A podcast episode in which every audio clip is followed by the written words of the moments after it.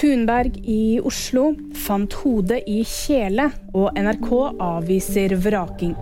Den svenske klimaaktivisten Greta Thunberg er i Oslo for å demonstrere mot vindturbinene på Fosen. Og hun sier at hun skal fortsette med det i morgen. Det her er et, et veldig tydelig eksempel på såkalt grønn kolonialism. At vi låtsas som at vi skal redde planeten, så å si, samtidig som vi, som vi krenker menneskerettigheter. Tre dager etter at kroppsdeler av den kinesiske influenseren Abby Choi ble funnet i et kjøleskap, så er hodet hennes sannsynligvis blitt funnet i en kjele.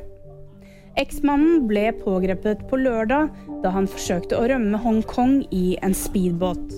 The Guardian melder mandag at influenserens eksmann, sammen med hans far og hans bror, er siktet for drapet. De tre mennene er fengslet fram til rettssaken 8. mai. Se og Hør skrev i kveld at NRK har bestemt seg for å avslutte samarbeidet med Sofie Elise.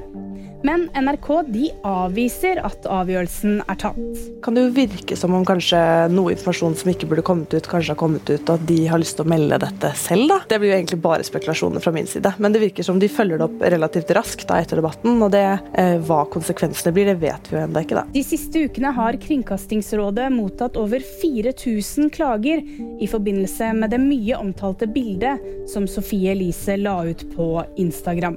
VG-nyhetene fikk du av meg, Ida Aaberg Evensen.